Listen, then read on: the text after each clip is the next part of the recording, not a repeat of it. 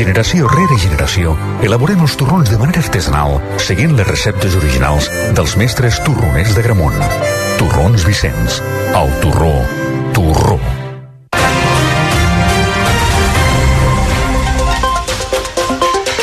Les 3 actualitzem la informació. Inquietud per l'enfrontament judicial i polític per la reforma del Codi Penal. Jutges per la democràcia exigeix rebaixar el to als partits, però alhora demana responsabilitat a la cúpula judicial per evitar que el seu mandat caducat crispi més l'actualitat. Ho han dit en un comunicat poques hores després que precisament vuit vocals conservadors del Consell General del Poder Judicial hagin acusat Pedro Sánchez irresponsable per haver dit que la dreta política i judicial volia atropellar la democràcia. El president espanyol no n'ha dit ni asa ni bèstia. Avui, ara bé, no s'ha mossegat la llengua a l'hora de carregar contra el PP per al, seus, per al seu recurs a la reforma. El líder popular, Alberto Núñez Feijó, ha insistit que no cediran. Y cuando te plantean un chantaje, y ese chantaje está contra los acuerdos que nos dimos en la Constitución, hemos de decir que no. Y vamos, por supuesto, a decirle a los socialistas sanchistas que callan o que hablan pero tragan,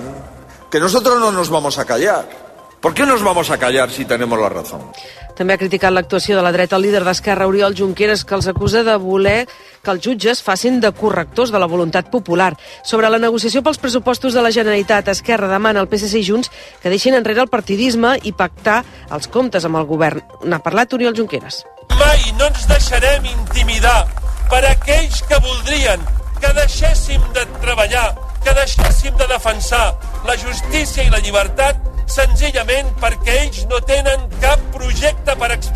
I des dels comuns, que ja han pactat un acord de pressupostos amb el govern, Jessica Albiach ha retret al PSC que no doni suport a l'ajust de l'impost del patrimoni que ha pactat amb Esquerra. I al Mundial de Qatar, d'aquí a menys d'una hora, es juga el partit pel tercer i el quart lloc entre Croàcia i Marroc. A partir de les 4, en directe a rac serà l'aperitiu de la gran final demà Argentina-França. De fet, a aquesta hora s'entrena la selecció francesa amb tots els jugadors disponibles. Per tant, el vestidor ja ha superat el brot de la grip del camell. També a aquesta hora juga el Girona, un amistós contra el Manchester City a la ciutat esportiva Citizen. Al descans, City 2, Girona 0. S'ha acabat a la Lliga Femenina, el Levante Les Planes 2, Villarreal 2. I acabem amb el temps. Martí Oliveres està sent un dissabte gris a moltes comarques. Canviarà això de cara demà? Doncs no, de moment poques novetats. Continuarem amb molts núvols baixos, boira, sobretot a les comarques de Barcelona, Girona, a les valls del Pirineu, més trencats a la resta aquests núvols. De fet, fins i tot un bon sol a les Terres de l'Ebre i sobretot quan guanyem alçada a les cotes més altes del Pirineu, aquí un dia esplèndid. També ho serà demà i en canvi a la resta doncs aquest temps poc definit, força gris el diumenge encara a l'àrea de Barcelona, amb temperatures més baixes de bon matí, però al migdia es recuperen una mica i ho notarem sobretot dilluns, dimarts dimarts la setmana que ve, fora dels llocs amb boira i núvols baixos, ambient càlid per l'època al centre del dia. Les 3 i 3 tanquem el migdia que hem fet la redacció d'informatius i d'esports amb la Mariona Montparri i el Marc Salva al control tècnic. A partir d'ara continuarem pendents de l'actualitat, els avanços informatius. I quan faltin 5 minuts per les 4 ja ens hi posem amb el partit pel tercer i quart lloc. Esports sense parar fins a la una de la matinada amb el Superesports i el Tu diràs. Nosaltres tornem demà a les dues. Ara us deixem amb el viatge bé. Bona tarda. RAC, RAC 1.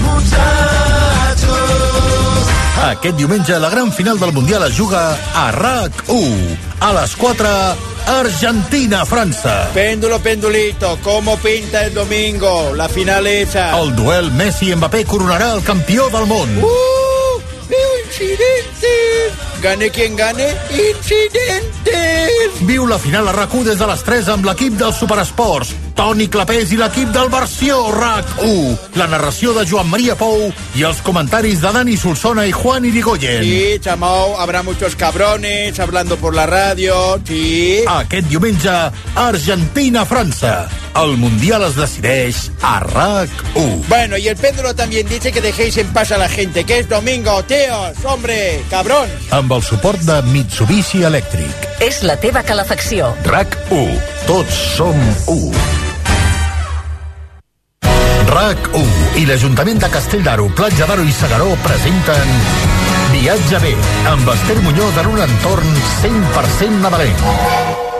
Teniu la maleta a punt, oi? Perquè ara mateix us portem a Castell d'Aro, Platja d'Aro i Segaró.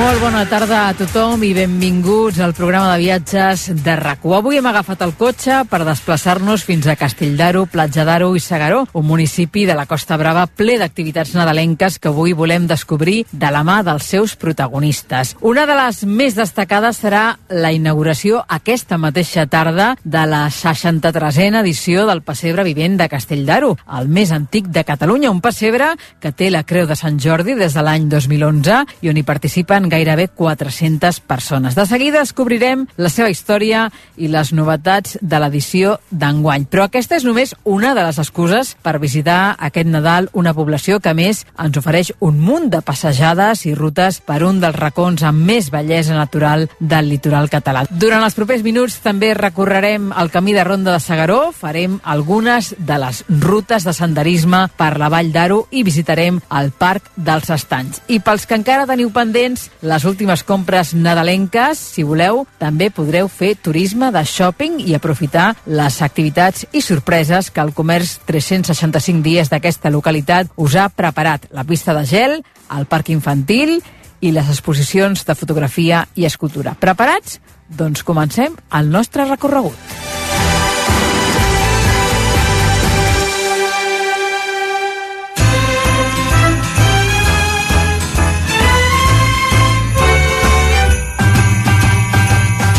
És un clàssic del Nadal. Aquesta tarda a les 7 s'inaugurarà la 63a edició del Passebre Vivent de Castelldaro, un pessebre que es va començar a fer l'any 1959 al seu nucli antic medieval i que el 2011 va ser guardonat amb la Creu de Sant Jordi. Els del viatge B el visitem avui per primer cop i ho farem acompanyats d'una de les persones que millor el coneix perquè fa ni més ni menys que 32 anys que hi participa a la seva organització. Ell és el senyor Josep Genís, president de l'Associació del Passebre Vivent de Castelldaro. Josep, bona tarda i gràcies per fer-nos oh. de guia avui. Bona tarda. Tot a punt ja per arrencar aquesta 63a edició del Passebre, que falten 4 hores aproximadament. Sí, sí, ja tota la preparació a punt i esperant ja el moment per començar ja aquesta edició. Uh -huh. A més a més, que, que crec que avui fareu una cosa especial amb motiu de la Marató de TV3 perquè heu organitzat una xocolatada. Sí, exactament. Uh, avui aprofitem que demà, dia 18, és el dia de la Marató de TV3. Uh, nosaltres el que farem avui, per ser el primer dia, és fer una, fem una xocolatada per la Marató en, en el Pessebre Vivent de Castellaro, perquè la gent que vingui al Pessebre pugui, a més a més, col·laborar amb la Marató. Per recollir diners. Sí, sí, sí, per col·laborar tot el que sigui possible amb la Marató per, per les causes que va aquest any que se m'ocorre. Molt bé, clar que sí. Avui, Josep, eh, serà el primer dia, eh, però s'ha de dir que el pessebre es farà quatre dies més, no? Quins? Es farà el dia 18, que és demà diumenge, el dia 25, el 26 i l'1 de gener, que serà l'últim dia que farem representació d'aquesta edició. Per tant, la gent que, que vulgui anar-hi que, que tingui en compte aquests dies que són els dies que s'han d'assenyalar al calendari. A més a més, enguany eh, hi participaran més de 400 figurants en els 52 quadres que trobarem pel quilòmetre i mig de recorregut, no? Tots els participants, Josep, són d'aquí, de Castelldaro i de Platja d'Aro i de Segaró? Són gent de... La majoria és de gent que viu a Castelldaro, però hi ha molta gent que viu a Platja d'Aro, a Sant Feliu, a Santa Cristina, o als redadors del, del, del que és el Castelldaro, o si no, si hi ha gent que no és d'aquest nuclis, hi gent que ha tingut vinculació amb, el, amb Castelldaro, no? que té família a Castelldaro o que té alguna arrel d'haver sigut del poble molts anys i tornen aquí a col·laborar. És una mica el teu cas, no? Perquè tu ets de Montràs. Bueno, jo vaig néixer a Montràs i per qüestions de... familiars vaig vindre a viure a Castelldaro. O, o és fa 32 anys que vaig vindre a viure a Castelldaro i bueno, això ha fet que em vinculés una mica per la família de la meva dona ja, ja col·laboraven feia molts anys en el Pesebre i bueno, jo seguint la tradició de la família em vaig involucrar col·laborant també en el Pesebre i mira, 32 anys fa que col·laborem. És tota una tradició perquè, pel que m'han dit, eh, per exemple, el dia de Nadal, la gent que hi participeu, a les 6 en punt de la tarda sortiu per la porta de casa, tingueu o no convidats a casa. Sí, no, és, una, és el que dèiem, és una tradició molt del poble, i és clar, mmm, tothom sap que els dies de Nadal són els diners de família, no? I no vos perdre el dinar de família. El que passa que sí que els diu els familiars, penseu que ja a les 6 de la tarda hem de marxar perquè anem a fer el pessebre. Clar que sí. Clar, Escolta'm, he vist que també teniu com una mena de competició amb Corbera, perquè ells diuen que són el més antic, vosaltres també, no? Eh, eh, Qui va ser el primer? El vostre o el d'ells? A veure, jo sempre mm, he dit una cosa molt senzilla. Nosaltres tenim data demostrativa que van començar l'any 1959, Corbera va començar l'any 1961, pues no hi ha dubte de qui va ser el primer que va fer el pessebre vivent a Catalunya. Eh, ells poden dir que són el primer? Bueno, el primer en, en quina cosa? Mm, segur que el primer en ser el més antic no, perquè demostra que som nosaltres, mm, perquè és claríssimament, però bueno, eh, jo no m'hi posaré en que siguin ells primers amb, amb, amb alguna que nosaltres potser no ho som. Josep, eh, la iniciativa va ser d'un mossèn del poble. Qui era? Qui era? Era el mossèn Gumercindo, que va ser un mossèn que va vindre aquí a Garcigaro als anys 55, 60, 50, entre els anys 55 i 60. Aquest senyor se'n va anar a Andorra i va veure a Ordino que feien una representació d'un pessebre, que es feia una mica de representació pessebre- d'un pessebre allà a Ordino, que es Mhm. feia enmig de la plaça. I en ell aquesta representació que va veure allà a Ordino li va agradar molt i va dir, ostres, això podríem fer-ho a Castigar-ho. I aquest senyor, eh, el mossèn aquest, va agafar i va començar i va portar el, la idea aquesta que havia vist a Ordino uns anys abans i la va portar a Castelldaro. Bueno, va involucrar la gent en aquell moment que havia al poble i, bueno, i des d'aquell dia, aquell any, sempre ha sigut la tradició de fer-se el pessebre vivent a Castelldaro. Mossèn Comercindo, que va començar amb només cinc escenes i ves per on, eh, 63 anys després, vosaltres representareu 52 quadres. Qui, qui, quines són eh, les escenes més destacades? Quins són els quadres més destacats? A veure, eh, jo sempre dic que els quadres que potser criden més l'atenció són els quadres que representen escenes bíbliques, un naixement, un cens, una visitació, una anunciació, tot el que, una, un, el rei Herodes, els reis, totes aquestes escenes són bíbliques, són molt representatives, molt d'allò, però a mi a Castelldaro ens agrada molt dir que la gent vingui a veure, perquè Castelldaro, fins al boom turístic, era un poble diguem-ho clar, era un poble de pagès, de gent del camp, de, de, de, de treballar al camp i al bosc.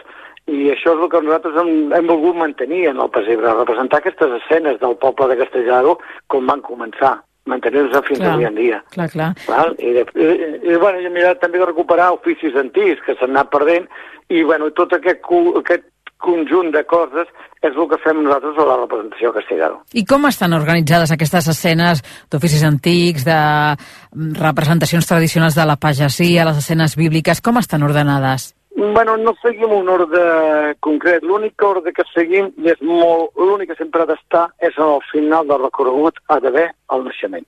És l'únic que mantenim.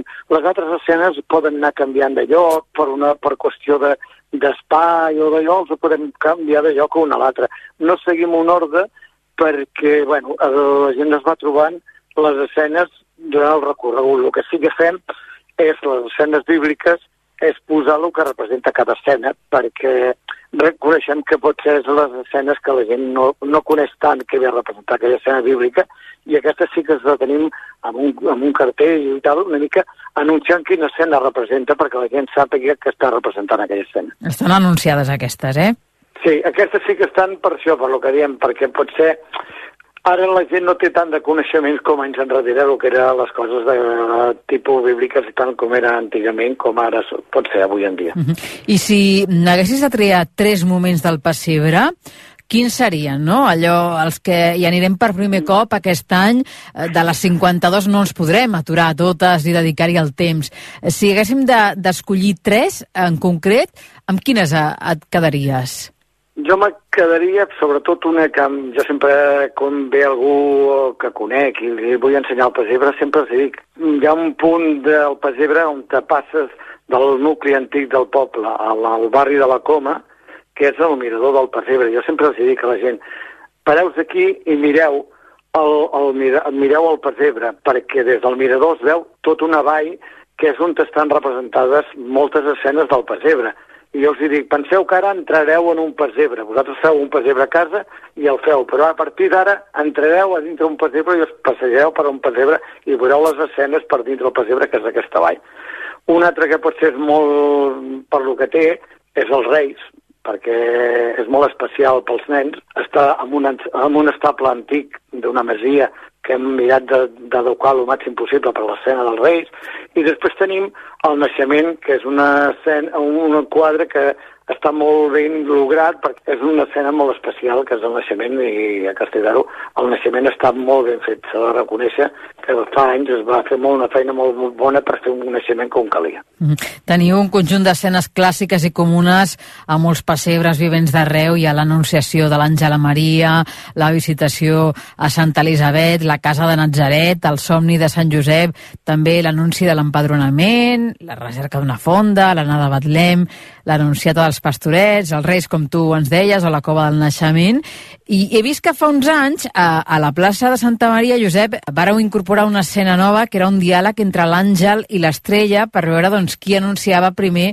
el naixement de Jesús, però en realitat hem de dir i hem de remarcar que aquest és un pessebre vivent on els figurants ni parlen ni es mouen, és a dir, que estan immòbils i estan callats. Sí, sí, és, a veure, és un pessebre però jo sempre dic que eh, la gent que va veure els pessebres vivents, a les comarques de Girona, normalment els pessebres vivents no parlen els figurants, són, com a molt es mouran els de la pagesia o els dels oficis que estan representant, però els altres han de fer, han d'estar-se quiets representant l'escena que fan.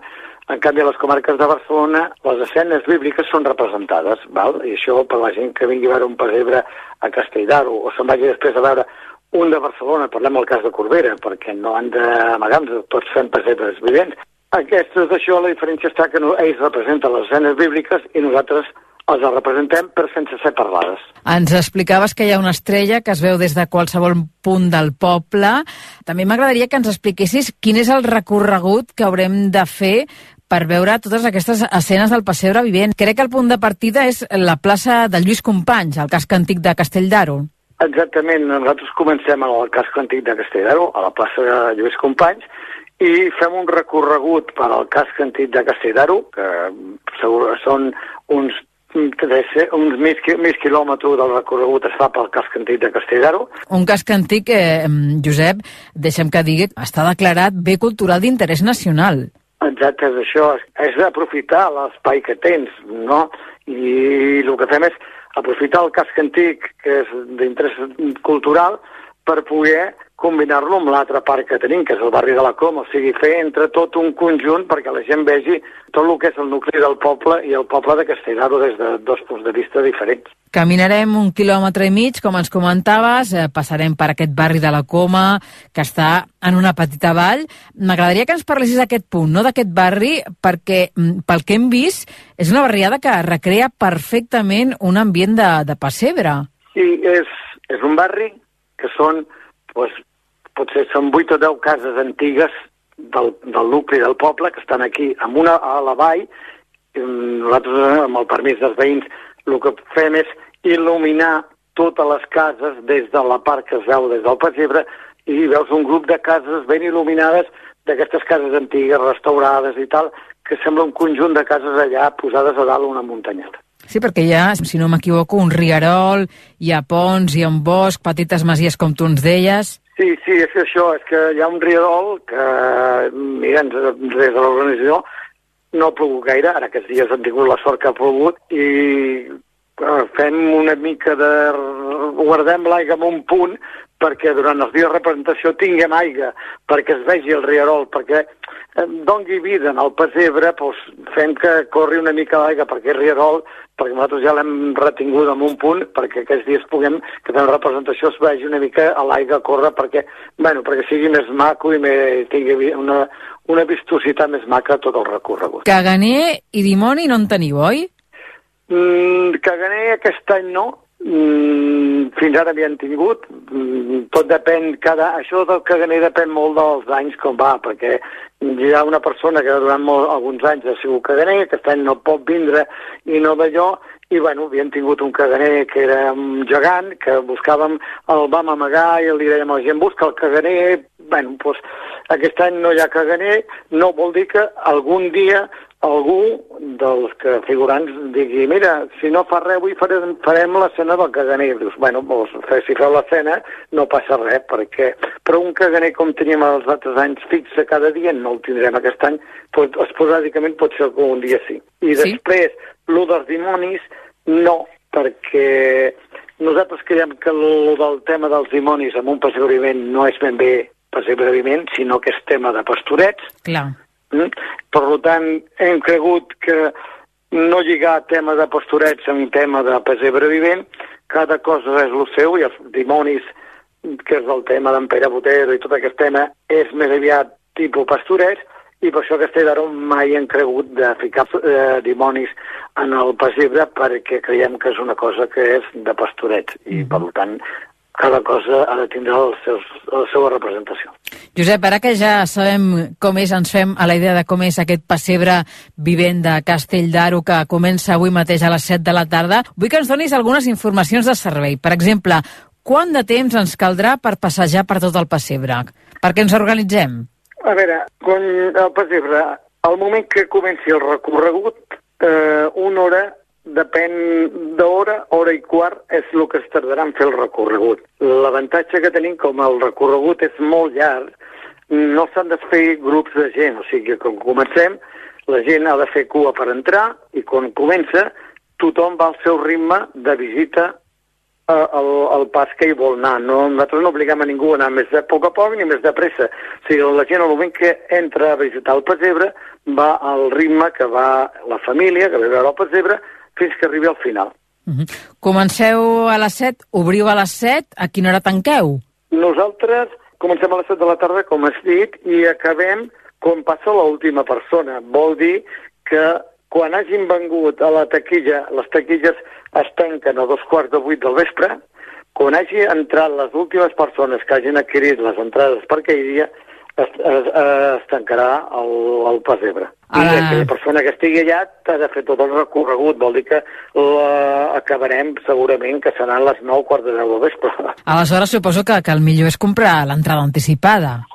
Sí, si la gent vol vindre i no fer cua per comprar i trobar-se allò, ja entraran a la plana web del nostre pessebre, que és pessebrevivent.com, eh, pot adquirir, hi ha un like on es poden adquirir a les entrades de, per dins del pessebre. Eh, avui en dia, amb els mitjans de, que tenim tecnològics, amb, amb el mòbil ja lector de QR, per tant, hi ha sistemes de, per poder no anar a comprar l'entrada, tu la portes al teu mòbil, nosaltres quan arribes al punt d'entregar l'entrada, llegim el QR i entres tranquil·lament i no fa falta fer cua, sinó des de casa ja, ja d'adquirir l'entrada. I també hi ha moltes promocions. Sí, fem promocions perquè nosaltres fem una promoció amb el Club Super 3, carnet que vinguin amb el carnet del Club Super 3 és entrada gratuïta, els subscriptors del Cavall Fort també en, demostrant que són subscriptors és gratuït, amb el punt diari i amb el diari ara fem un 2 per 1 i bueno, són les promocions que fem. Fa dues setmanes vàrem anar Espinelves, a la Fira de l'Avet, a la 41a edició, les estimacions era de rebre doncs, uns 100.000 visitants i realment eh, en finalitzar aquestes han estat les dades que s'han publicat. Quines són les vostres, no? Quants eh, visitants eh, espereu durant aquestes cinc funcions que es faran enguany del Passebre Vivent? Bueno, nosaltres l'any passat, que hi havia la pandèmia, bueno, havia, no ben bé la pandèmia, però hi havia restriccions, van arribar unes 8.000 i 8.200 persones, una cosa així.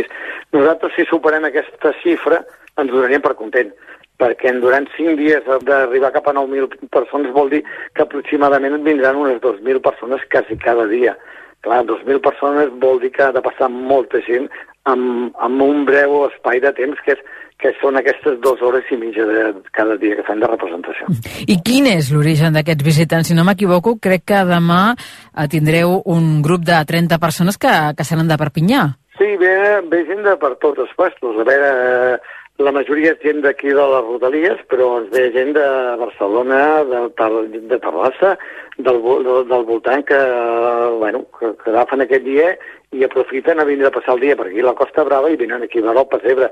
Tenim un grup de França que vindran a visitar, que aquesta gent van vindre a l'estiu per una visita cultural en el municipi, els, se'ls va informar que fèiem el pessebre i van dir que estarien molt interessats en venir a veure el. Eh, avui vindran a veure el pessebre aquesta gent per, perquè els feia molta gràcia veure un pessebre vivent aquí eh, nostre. Uh -huh. També que m'imagino que, que tindreu molt públic familiar perquè, com tu els comentaves abans, aquesta pot ser una molt bona oportunitat per explicar als nens el sentit del Nadal. Sí, sí, és això. Això és el motiu. Majoritàriament s'ha de reconèixer que venien, venen moltes famílies. Val? Nosaltres el que tenim és que ve molta família, que són els avis, els pares i els nets. I aquesta gent és la que va fent el gruix perquè veus la cara dels nens, la que no per la primera vegada que venen, i moltes vegades són tradicions, els avis han vingut i ara venen amb els nets a ensenyar-li el pessebre de, de Castelldaro. Conec moltes persones que hi han anat, Josep, i m'han explicat que no han vist un esdeveniment similar en cap altre lloc de l'estat espanyol. Per, per què creus que, que realment és així? Per què és tan especial? Jo crec que per això que et dèiem fa un moment, perquè mantenim molt les tradicions i són coses que potser sembla que no donem importància, però les tradicions s'han de mantenir, que jo crec, sobretot d'aquestes tradicions de que es pobles. La tradició del poble costa molt mantenir, i aquestes tradicions que fa anys que ja que es fan són molt maques de mantenir. Jo crec que és el que fa que vingui la gent, i sobretot l'esperit de Nadal, que, que en aquest cas, que és quan és el pessebre, és això, és que és l'esperit de Nadal que hi ha, les ganes de sortir en família i trobar-te amb la família i, i fer aquestes coses en família fa que sigui tan, tan especial aquestes coses, mm. que vindre a veure el pessebre que dèiem, perquè és molt tradicional i perquè és molt família. Dóna'ns un consell eh, per, per gaudir del pessebre vivent de Castelldaro, per les persones que no hi han anat mai. Quin seria aquest consell? Jo els diria que vinguessin sense pressa. Si volen vindre sense presses i volen vindre una mica abans, en el castell de Benedorments, que tenim allà al casc antic del castell fan unes exposicions d'uns pessebres que la gent del poble ha fet, de diorames, i a més a més hi ha l'associació del Casino Castellarenc que fa una exposició recordant els 130 anys, més de 130 anys que tenen d'història, i vine eh, amb temps, sense pressa, visita i desconeix coneix el nucli de Castelldaro. Aquest castell que crec que, que el propietari era el propietari de l'abadia de Sant Feliu de Guixos, pot ser? Sí, havia sigut propietat del, del monestir d'aquí Sant Feliu de Guixos i segons diuen les tradicions, les anècdotes, que aquest castell va vindre la condessa Armacenda i tot, quan era, ella era, la, depenia d'ella el monestir de Sant Feliu com a contessa que era. Una de les visites, sens dubte, a aquest castell. Alguna més que creguis tu que és important, ja que venim a Castelldaro, Platja d'Aro i Segaró, què no ens podem perdre aquests dies a, a la Costa Brava, aquí al Baix Empordà? Bueno, pues disfrutar, com diguem, de, ara que estem a l'hivern, pues disfrutar una mica del temps i de la tranquil·litat que et donarà ara. S'ha acabat l'estiu on hi ha molta gent i ara és el moment de descobrir tot el que és el nucli de Segaró, els seus camins de ronda, descobrir el platja d'Aro sense la gent que hi ha a l'estiu, que ara és veure les coses sense, sense la gent que hi ha i disfrutar del poble aquests dies. Josep Genís, president de l'Associació del Passebre Vivent de Castelldaro, els desitgem molts èxits eh, per l'edició d'enguany, esperem que els visitin molts oients del viatge B, de rac i esperem eh, tornar-nos a, a veure i tornar a parlar-ne per la 64a edició. Que vagi molt bé. Moltes gràcies a vosaltres per tot i bones festes i que la gent s'animi a l'Ogrem, a vindre i a disfrutar i bones festes de Nadal a tothom. Una abraçada, que vagi molt bé. Adéu-siau. Adéu-siau, bona tarda.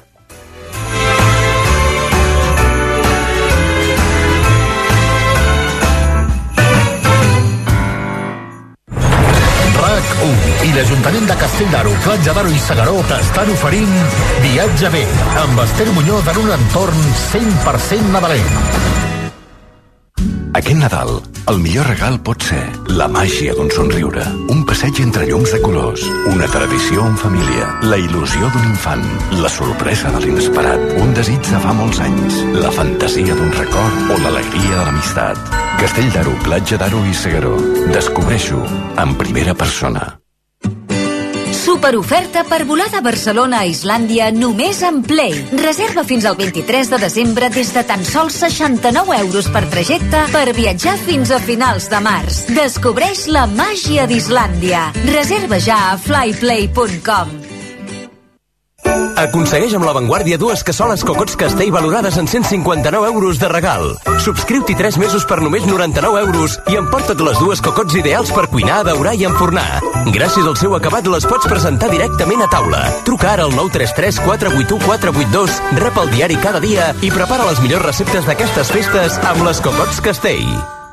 Vols un 15% de descompte en els teus nous pneumàtics i reforestar una zona incendiada? Group Driver ho fa possible. Reserva online els teus nous pneumàtics a drivercenter.es amb el codi BOSQUIA i plantarem un arbre per tu. Group Driver, 40 tallers arreu de Catalunya i Andorra. Només fins al 31 de desembre al teu taller Driver més proper. RAC, RAC, Informació, actualitat, esports, entreteniment, al mòbil, a la tauleta, en podcast, en aplicació, en ràdio. RAC1. Tots som un. Amb la col·laboració del Departament de la Presidència de la Generalitat de Catalunya. RAC1 i l'Ajuntament de Castelldaro, Platja d'Aro i Segaró t'estan oferint Viatge bé amb Esther Muñoz en un entorn 100% nadalenc. RAC1 i l'Ajuntament de Castelldaro, Platja d'Aro i Segaró t'estan oferint Viatge bé amb Esther Muñoz en un entorn 100% nadalenc.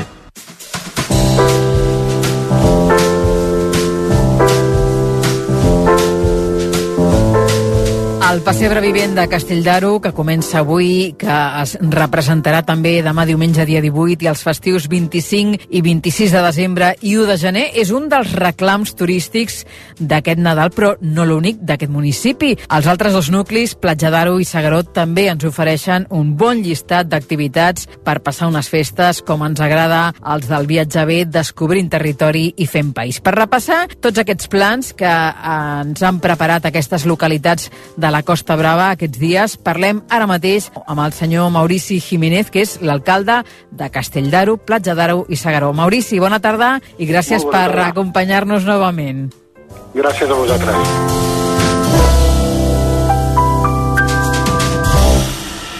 No sé si vostè hi participa o hi ha participat algun cop al pessebre vivent de Castelldaro. Doncs la veritat és que gairebé tots els veïns del poble d'una manera o una altra, ja sigui muntant els quadres, ja sigui fent de figurants o ajudant en l'organització del pessebre, segur que gairebé tothom hi, ha passat en algun moment. Ens ho explicava ara en Josep Genís jo voldria saber com és d'important, segons el batlle d'aquest municipi, aquest esdeveniment. Bueno, només cal pensar que estem parlant d'un pessebre evident que en aquesta edició arriba a la, a la 63a edició i que és el més antic de Catalunya i que per nosaltres, òbviament, doncs, és la tradició, eh? és, és la història del nostre poble, és un moment de, de cohesió, de, de participació, de, de que els veïns surtin al carrer eh, per fer una cosa plegats i la veritat és que, òbviament, això doncs, ens, ens aporta, diguéssim, un, un gran valor a nivell de municipi. A Castelldaro, en Josep Genís ens recomanava visitar el castell de Benadormients, eh, l'exposició de diorames, pessebres i composicions nadalenques, però també és interessant conèixer la història del casino castellarenc. Per què? Per què és tan important aquest punt del municipi, alcalde? Clar, parlem d'un casino que, que es va fundar a, a finals del, de l'any 1800, a, cap al 1888, i per tant parlem d'un casino que té molta història i que gràcies a aquest casino, doncs, durant tota aquesta època de finals del segle XIX i al llarg de tot el segle XX, es va mantenir una cohesió a, a nivell de, de veïnatge, del qual van sortir moltes de les activitats que a dia d'avui perduren, com pot ser el, el propi pessebre, però també, òbviament, activitats com el, el, el concurs de cuina, eh, com pesquetes i com moltes altres festes i festivitats que tenim al llarg de l'any, que és gràcies a molts de veïns que, que s'han anat trobant en un espai com aquest que, que s'han anat no només creant, sinó mantenint. Aquesta nit, per exemple, arrenca a Castelldaro el cicle de Nadal. Amb quines actuacions? Doncs sí, la, la veritat és que tenim una sèrie d'actuacions programades on eh, la primera que trobarem, que és eh, avui dissabte, la cantada de Nadales que ens oferirà la, la coral de la Vall d'Aro. Recordo que en parlàvem aquest estiu eh, i que m'explicava els plans del seu municipi per uns mesos de molta calor en els que venia molt de gust d'anar a la platja. Creu que el Nadal també és un bon moment per escapar-nos fins a Platja d'Aro, Castell d'Aro i Segaró, encara que no ens puguem banyar? Bé, i tant. De fet, nosaltres, com, com sabeu, fa temps que parlem del Castell Platja d'Aro i Segaró del 365 i amb això seguim treballant, en un municipi on hi hagin activitats dia i nit, però també els 365 dies de l'any. I per tant ara que arriba l'hivern és veritat que no podem gaudir de la platja, però sí que podem gaudir doncs, del propi passeig marítim, del camí de ronda, de, del nostre paisatge a l'entorn dels estanys o de les passejades, eh, ja sigui al peu de les Gavarres a Castell d'Aro o cap al massís de Cadiretes. I, per tant, els nostres paratges naturals estan a l'abast de, de, de tothom que es vulgui apropar i, òbviament, com, com no pot ser d'una altra manera en aquesta època, doncs tota l'activitat comercial, d'hostaleria i de restauració. Anem a repassar un a un eh, aquests eh, llocs que vostè ens comentava ara. Per exemple, el camí de Ronda, que jo m'imagino que ara fora de temporada, sense tanta afluència de gent, ha de ser una meravella. Clar, és que poder passejar per un camí de ronda amb, gairebé més de 100 anys d'història a dia d'avui, on te pots contemplar l'arquitectura d'arquitectes com Rafael Masó, amb una sortida i una posta de sol eh, que, que realment són meravelloses, tot i que a l'hivern, doncs, eh, òbviament el dia s'escurci, però sobretot en un, en un moment en el que passejar per aquests indrets ho pots fer amb la tranquil·litat doncs que a l'estiu és totalment impensable. No? Cal, cal recordar que aquests camins de ronda al llarg de l'estiu reben a milers de persones que passegen al llarg del dia i que, per sort, a l'hivern doncs, tenim una altra realitat que penso que, que, que també mereix de ser un, un atractiu per a aquells visitants que volen gaudir del nostre municipi, com és el camí de Ronda, doncs d'una altra manera. Mm -hmm. És molt llarg, no?, pel que fa a quilòmetres. Com, com és aquest camí? I també pel que fa a paisatge. Què destacaria vostè, que segur que l'ha fet molts cops? Bé, cal, cal recordar que el nostre camí de ronda el, el podem iniciar doncs, des, de, des de Segaró i fem el primer revolt doncs, en, en el que anomenem la, la punta d'en Pau uh -huh. i pel camí doncs, tenim gairebé dos quilòmetres, tres quilòmetres, diguéssim, de camí, on passem per una sèrie de, de, de petites escales, de, on podem veure les escales que pugen cap a la urbanització, com és l'escala de la Gazela o l'escala Pedrosa, on tenim el, el mirador, que és un espai perfecte doncs, doncs, per poder observar tota la part marítima de, de casa nostra i com no arribem a un magnífic indret que és la platja de la Conca, no? que, que òbviament doncs, en aquesta època no dona per banyar-se, tot aquí hi ha algun valent que s'atreveix, però sí que és veritat que tenim un entorn doncs, que si travessem aquesta platja ens porta cap a Punta Prima i a partir d'aquí obtenim una de les vistes més maques de Platja d'Aro des, de, des del mirador eh, de Pinell, on podríem veure doncs, tota, tota Platja d'Aro en la seva extensió. A part de la platja de la Conca, quines són les altres platges que tenen?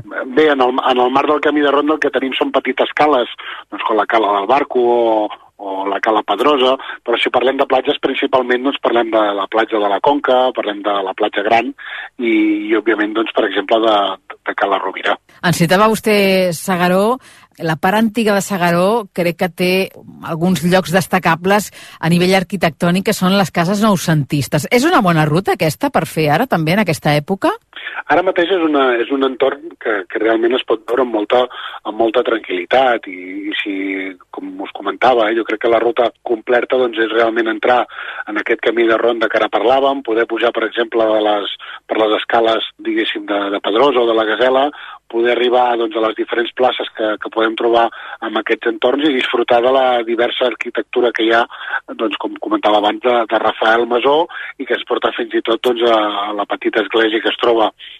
en el turó, diguéssim, de Sagaró Vell eh, i que, que òbviament forma part d'aquest conjunt, diguéssim, noucentista que bé comentaves. També en citava aquestes rutes de senderisme per la Vall d'Aro.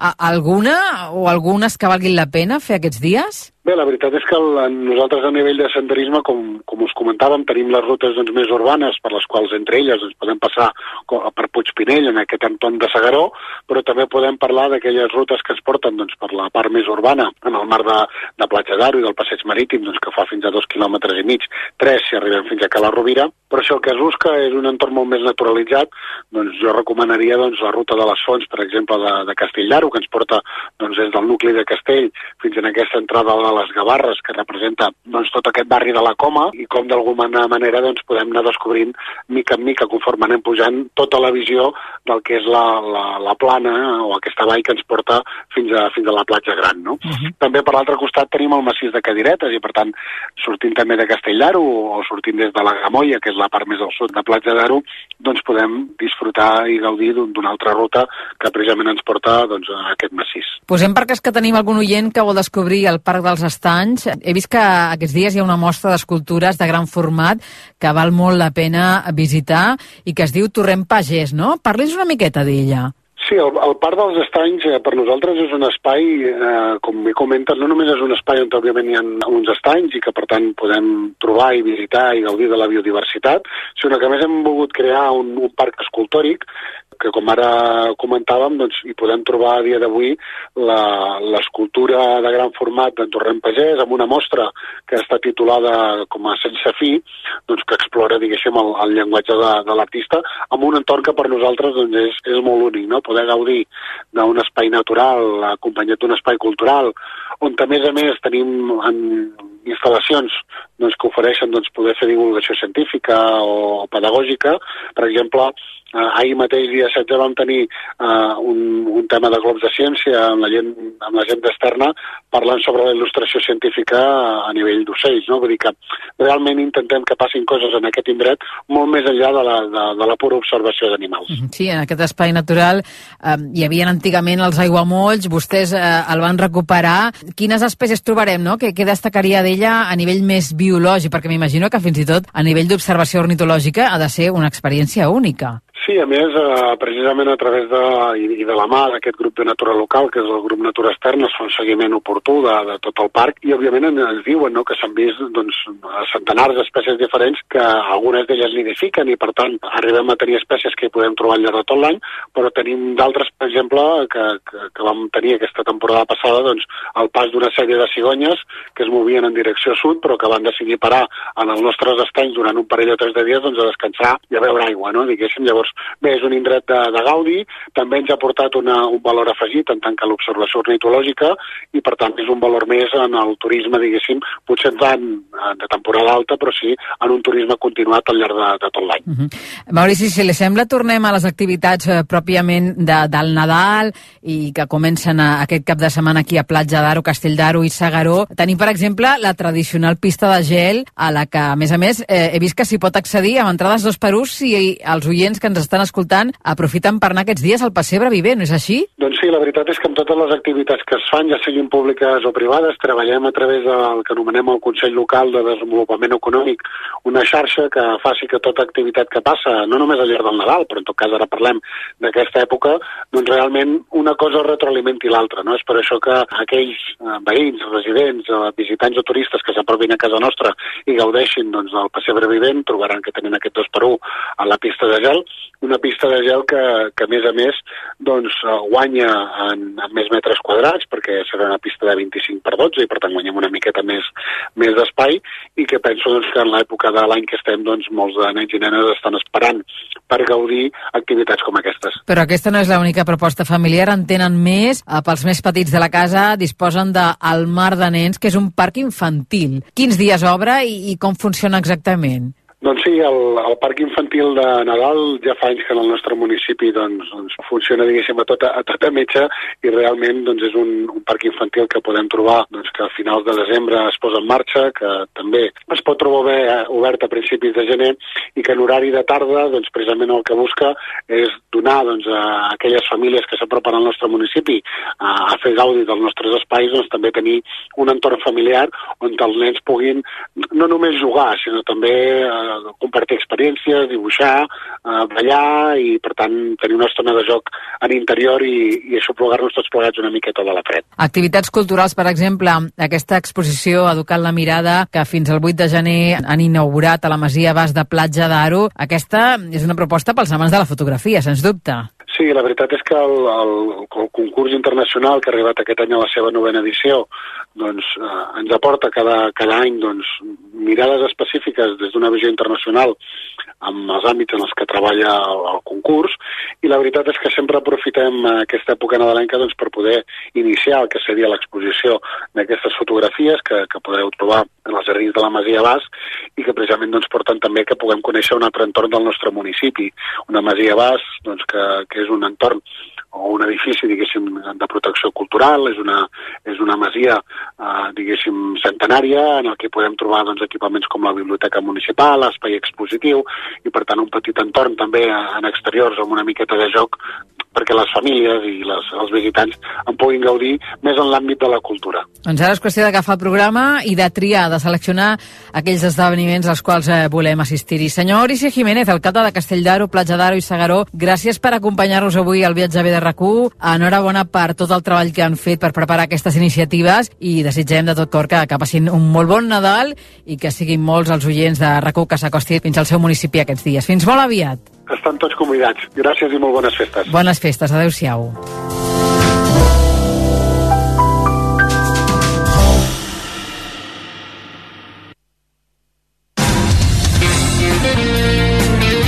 RAC1 Aquest Nadal, el millor regal pot ser la màgia d'un somriure, un passeig entre llums de colors, una tradició en família, la il·lusió d'un infant, la sorpresa de l'inesperat, un desig de fa molts anys, la fantasia d'un record o l'alegria de l'amistat. Castell d'Aro, Platja d'Aro i Segaró. Descobreixo en primera persona. Conductor i conductora, aquest missatge t'interessa i molt. Aparca als pàrquings Saba i Saba Barcelona Bamsa amb un 50% de descompte durant 3 mesos activant Saba Ticketless a l'app o a saba.es. Sí, sí, a meitat de preu. I també més còmodament. Paga menys i oblida't dels tiquets i els caixers de sempre. Promoció vàlida fins al 28 de febrer. RAC 1 Tots som 1 RAC1 i l'Ajuntament de Castelldaro, Platja d'Aro i Segaró t'estan oferint Viatge B amb Esther Muñoz en un entorn 100% nadalenc. RAC1 i l'Ajuntament de Castelldaro, Platja d'Aro i Segaró t'estan oferint Viatge B amb Esther Muñoz en un entorn 100% nadalenc.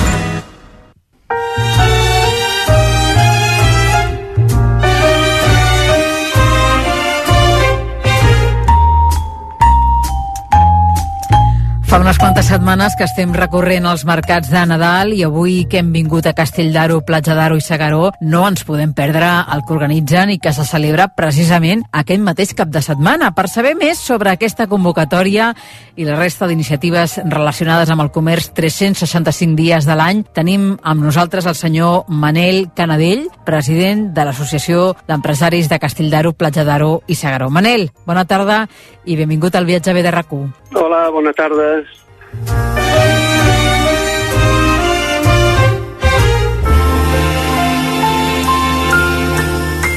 Desenes de comerços, serveis, establiments i entitats eh, participen en aquesta quarta edició del Platja d'Aro Nadal Shopping. Eh, M'agradaria que ens expliquessis eh, com és el vostre mercat nadalenc, on el feu i què hi podran trobar les persones que hi vagin, Manel. A veure, en realitat, el nostre el shopping és una aposta de tot el municipi, el que passa que sí que és cert que aquest cap de setmana concentrem eh, doncs una, una àrea del municipi doncs, en la que succeeixen coses relacionades amb el Nadal, tals com doncs, hi ha atraccions pels nens, tot eh, parades amb ambientació nadalenca, també productes d'alimentació hivernals, i, però bé, en realitat ja dic que és una, és una proposta de tot el municipi perquè hi participem tots els comerços i pretenem doncs, que mm, situar-nos també en aquestes èpoques de l'any, que són èpoques de gaudi i de consum, doncs com un lloc preferent de visita del, de tots els catalans.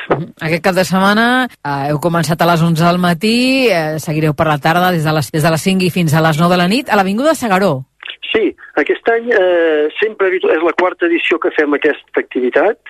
Sempre ha sigut plenament a l'Avinguda de Segaró, que perquè la gent ho sàpiga és l'avinguda més comercial del municipi, però aquest any també intentant allargar doncs, aquesta avinguda, que cada vegada està més atapeïda, hem ocupat una part de l'avinguda Cavall Bernat, que és la que ve a continuació, i d'aquesta manera el que pretenem és cada any doncs, que aquesta fira sigui més gran, que tingui més metres quadrats i que tingui més espai per poder donar cabuda a més gent. Estem intentant consolidar-la i una part important d'això és tenir doncs, eh, un espai disponible gran. Uh -huh.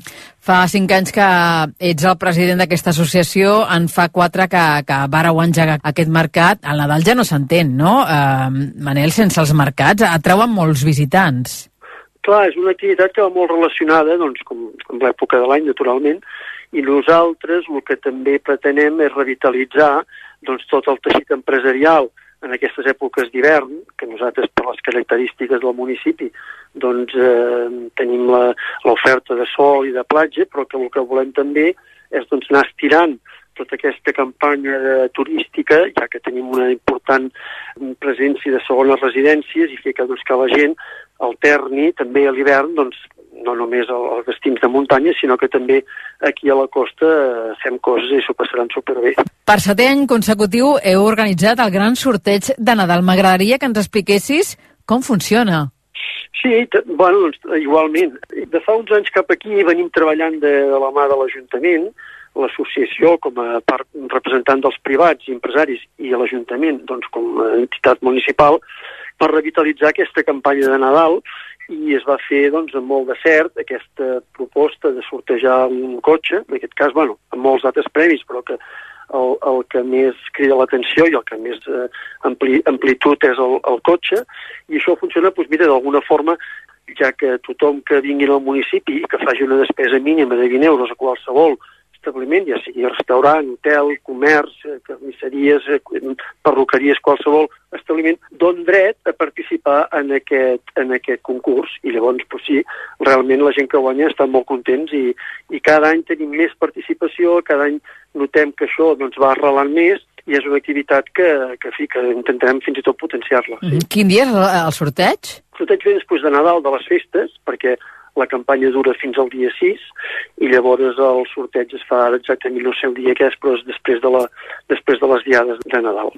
Ten- Teniu, de fet, un túnel de llum de Nadal. Eh, de quina mena d'instal·lació estem parlant? Això és una instal·lació similar a la que hi ha en altres municipis, que es prenen el Nadal en sèrio, com nosaltres, i el que hem fet, que això és una iniciativa municipal, doncs, és una part del carrer Miramar, que és un carrer que s'ha convertit en peatonal, s'ha fet com una cúpula al llarg de tota la, la, la llargada doncs, del carrer, amb llum, diguem LED, i també amb ambientació musical, de forma que la gent, doncs, és una zona de pas doncs, molt divertida, molt, molt per fer-se fotos i per publicar fotos, i això, que a més a més va lligat amb, amb música, és a dir, determinades hores de la tarda doncs, es connecta aquestes gravacions musicals que van en sintonia amb, el, amb les mateixes llums, no?, i crea una atmosfera molt, molt, molt xula i que també és una, una atracció, un pol d'atracció molt important en aquests dies. Sí, sí, estic veient que compteu amb 40 línies de cordons, amb 900 Sí. punts LED i 500 làmpades flash i 25 motius nadalencs.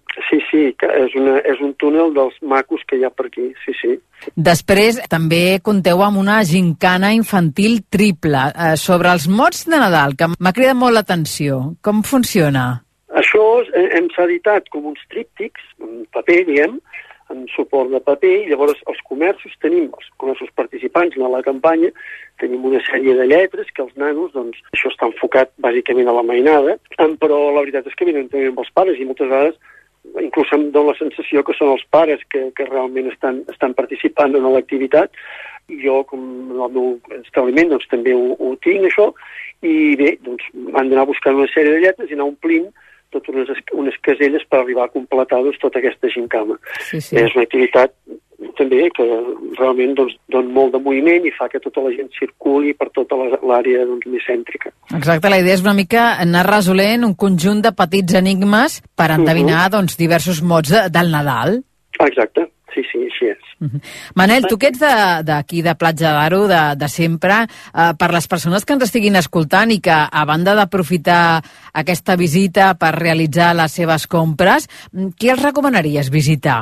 A veure, aquí, clar, nosaltres tenim, sempre i quan el temps acompanyi, que darrerament doncs els hiverns són molt més càlids i són molt més tranquils en quant a la meteorologia, aquí tenim una, una gran quantitat d'oferta des del punt de vista esportiu, també passejos pels camins de ronda, tot, evidentment tot el que és el, el, el, tema comercial i de restauració i, i hoteleria, però a Platja d'Aro sempre hi ha activitats marcades, tenim el, el Parc dels Estanys, es poden fer recorreguts per veure aus, pot, hi, ha tota una sèrie d'això d'activitats que, que la gent hauria d'anar coneguent doncs perquè la pretensió és aquesta, de dir, dotem en el, en el visitant i en, el, en la gent del municipi doncs, de moltes activitats perquè durant tot l'hivern això es vagi, es vagi allargant i anem tinguent doncs, una afluència bastant més equilibrada durant tot l'any. No? Sí, sí, sí que sabem que nosaltres som molt, molt forts amb el tema estiu, però també els que vinguin a Platja d'Aro també ara hi ha l'activitat d'una pista de gel, també ara que dura tots els dies de Nadal, una gran pista de gel que cada any és més gran, també és una altra activitat que oferim, diguem, a la gent i bé, i els propis encants del municipi de, de, de Saró, de Castelldaro, el, el Pesebre Vivent, és dir, hi ha tota una sèrie de, de llista llarguíssima d'activitats no només de Nadal, sinó també relacionades amb l'entorn no? natural i doncs, de, de, del mateix litoral marítim. És a dir, hi ha, hi ha una oferta que aquí no s'avorreix ningú. Sí, sí, la veritat és que és un municipi amb molta vida, molt cosmopolita, a la vegada tranquil, però on hi ha una oferta variadíssima en tot, en l'activitat eh, cultural, en l'activitat pròpia del Nadal i també en el que està relacionat amb, amb el comerç, com tu ens explicaves. Sí, eh, nosaltres el que estem... Mira, després del Covid, un dels principals objectius era, era tornar-nos a posicionar. Tenim tots els elements, diguem, necessaris per poder ser un punt molt, molt, molt important i, i una de les, de les inquietuds era tornar-se a posicionar. M'agradaria aquesta oportunitat que em dones per donar un missatge a la gent que s'apropin a Platja d'Aro també a l'hivern, perquè no només és un municipi que obrim de Setmana Santa a setembre, sinó que aquí tot l'any funciona tot. Està tots els comerços oberts, els supermercats, els cinemes, els bars, els restaurants, està tot obert de 165 dies a l'any perquè la gent, els empresaris d'aquí, apostem per donar aquest servei durant tot l'any. I la gent que millor té més cl classificat el nostre municipi, o els nostres tres municipis, com a llocs d'estiu, de sol i de platja, realment quan venen a l'hivern, aquests períodes d'hivern, es donen compte de que aquí es pot venir tot l'any. Fa la mateixa fred que fa qualsevol ciutat de Catalunya, però a més a més tenim activitats marítimes i, com hem dit abans, una llarga llista de, de bondats pels visitants. Doncs ara el que toca és anar-ho a comprovar en viu i en directe. Gaudiu molt d'aquests dies previs al Nadal, també del Nadal, i us desitgem de tot cor eh, que tingueu un molt bon 2023. Fins aviat. Moltíssimes gràcies, que vagi molt bé.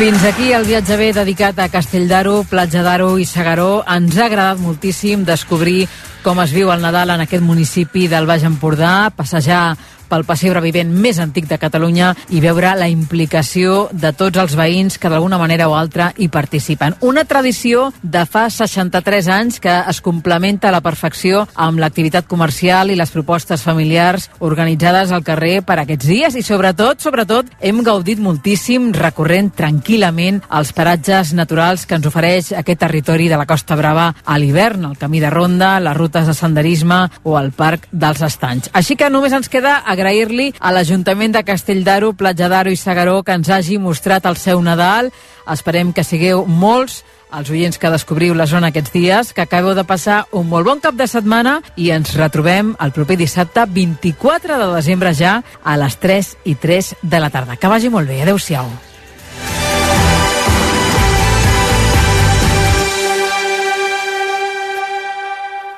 RAC1 i l'Ajuntament de Castelldaro, Platja d'Aro i Segaró t'han ofert Viatge bé, amb Esther Muñoz en un entorn 100% nadalenc.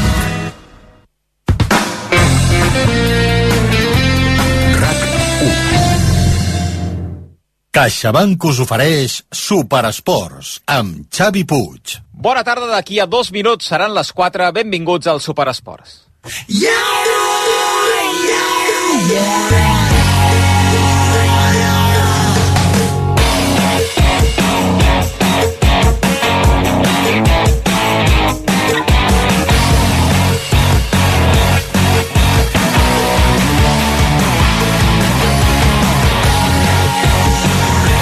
Amb el Marc Selva i el Dani Puntí Prats al control tècnic, amb el Gerard Ballera a la producció, dissabte 17 de desembre del 2022. Venim d'unes hores de dissabte amb empat a dos del Levante Les Planes a la Lliga Femenina de Futbol a casa contra el Villarreal, tot i jugar contra 10 des del minut 45 de la primera part. I d'unes hores de dissabte, amb derrota del Girona 2 a 0 contra el Manchester City, en un altre amistós d'aquesta nova pretemporada. Avui hem sabut, per cert, que Javi Hernández, defensa gironí, té una lesió al tendó del bíceps femoral dret i estarà entre 4 i 6 setmanes de baixa. Aquesta tarda, de seguida, el partit pel tercer i quart lloc del Mundial, Croàcia-Marroc. A més, les semifinals de la Supercopa Ibèrica d'handbol, Freaking Granollers Porto i Barça Sporting de Portugal. Jornada amb la penya jugant a la pista de l'Obradoiro i serem el nou Congost al Baxi Manresa Bilbao. A més, el Barça Sant Feliuenc juga a la pista del Perfumeries Avenida a la Lliga Femenina. Tenim jornada europea d'hoquei patins i semifinals del Màsters final del World Padel Tour al Palau Sant Jordi. Tota la jornada matinal l'hem pogut escoltar a RAC més un, el Jaume Molló i l'Àlex Massana. De moment, Ari Sánchez i Paula José María han passat a la final femenina i Lebron i Galán a la final masculina. I serem també a l'estadi Johan Cruyff per viure el Barça Atlètic Real Unió de la primera federació. I mirarem molt cap a la final del Mundial de demà, amb un munt de protagonistes per apropar-nos a un França-Argentina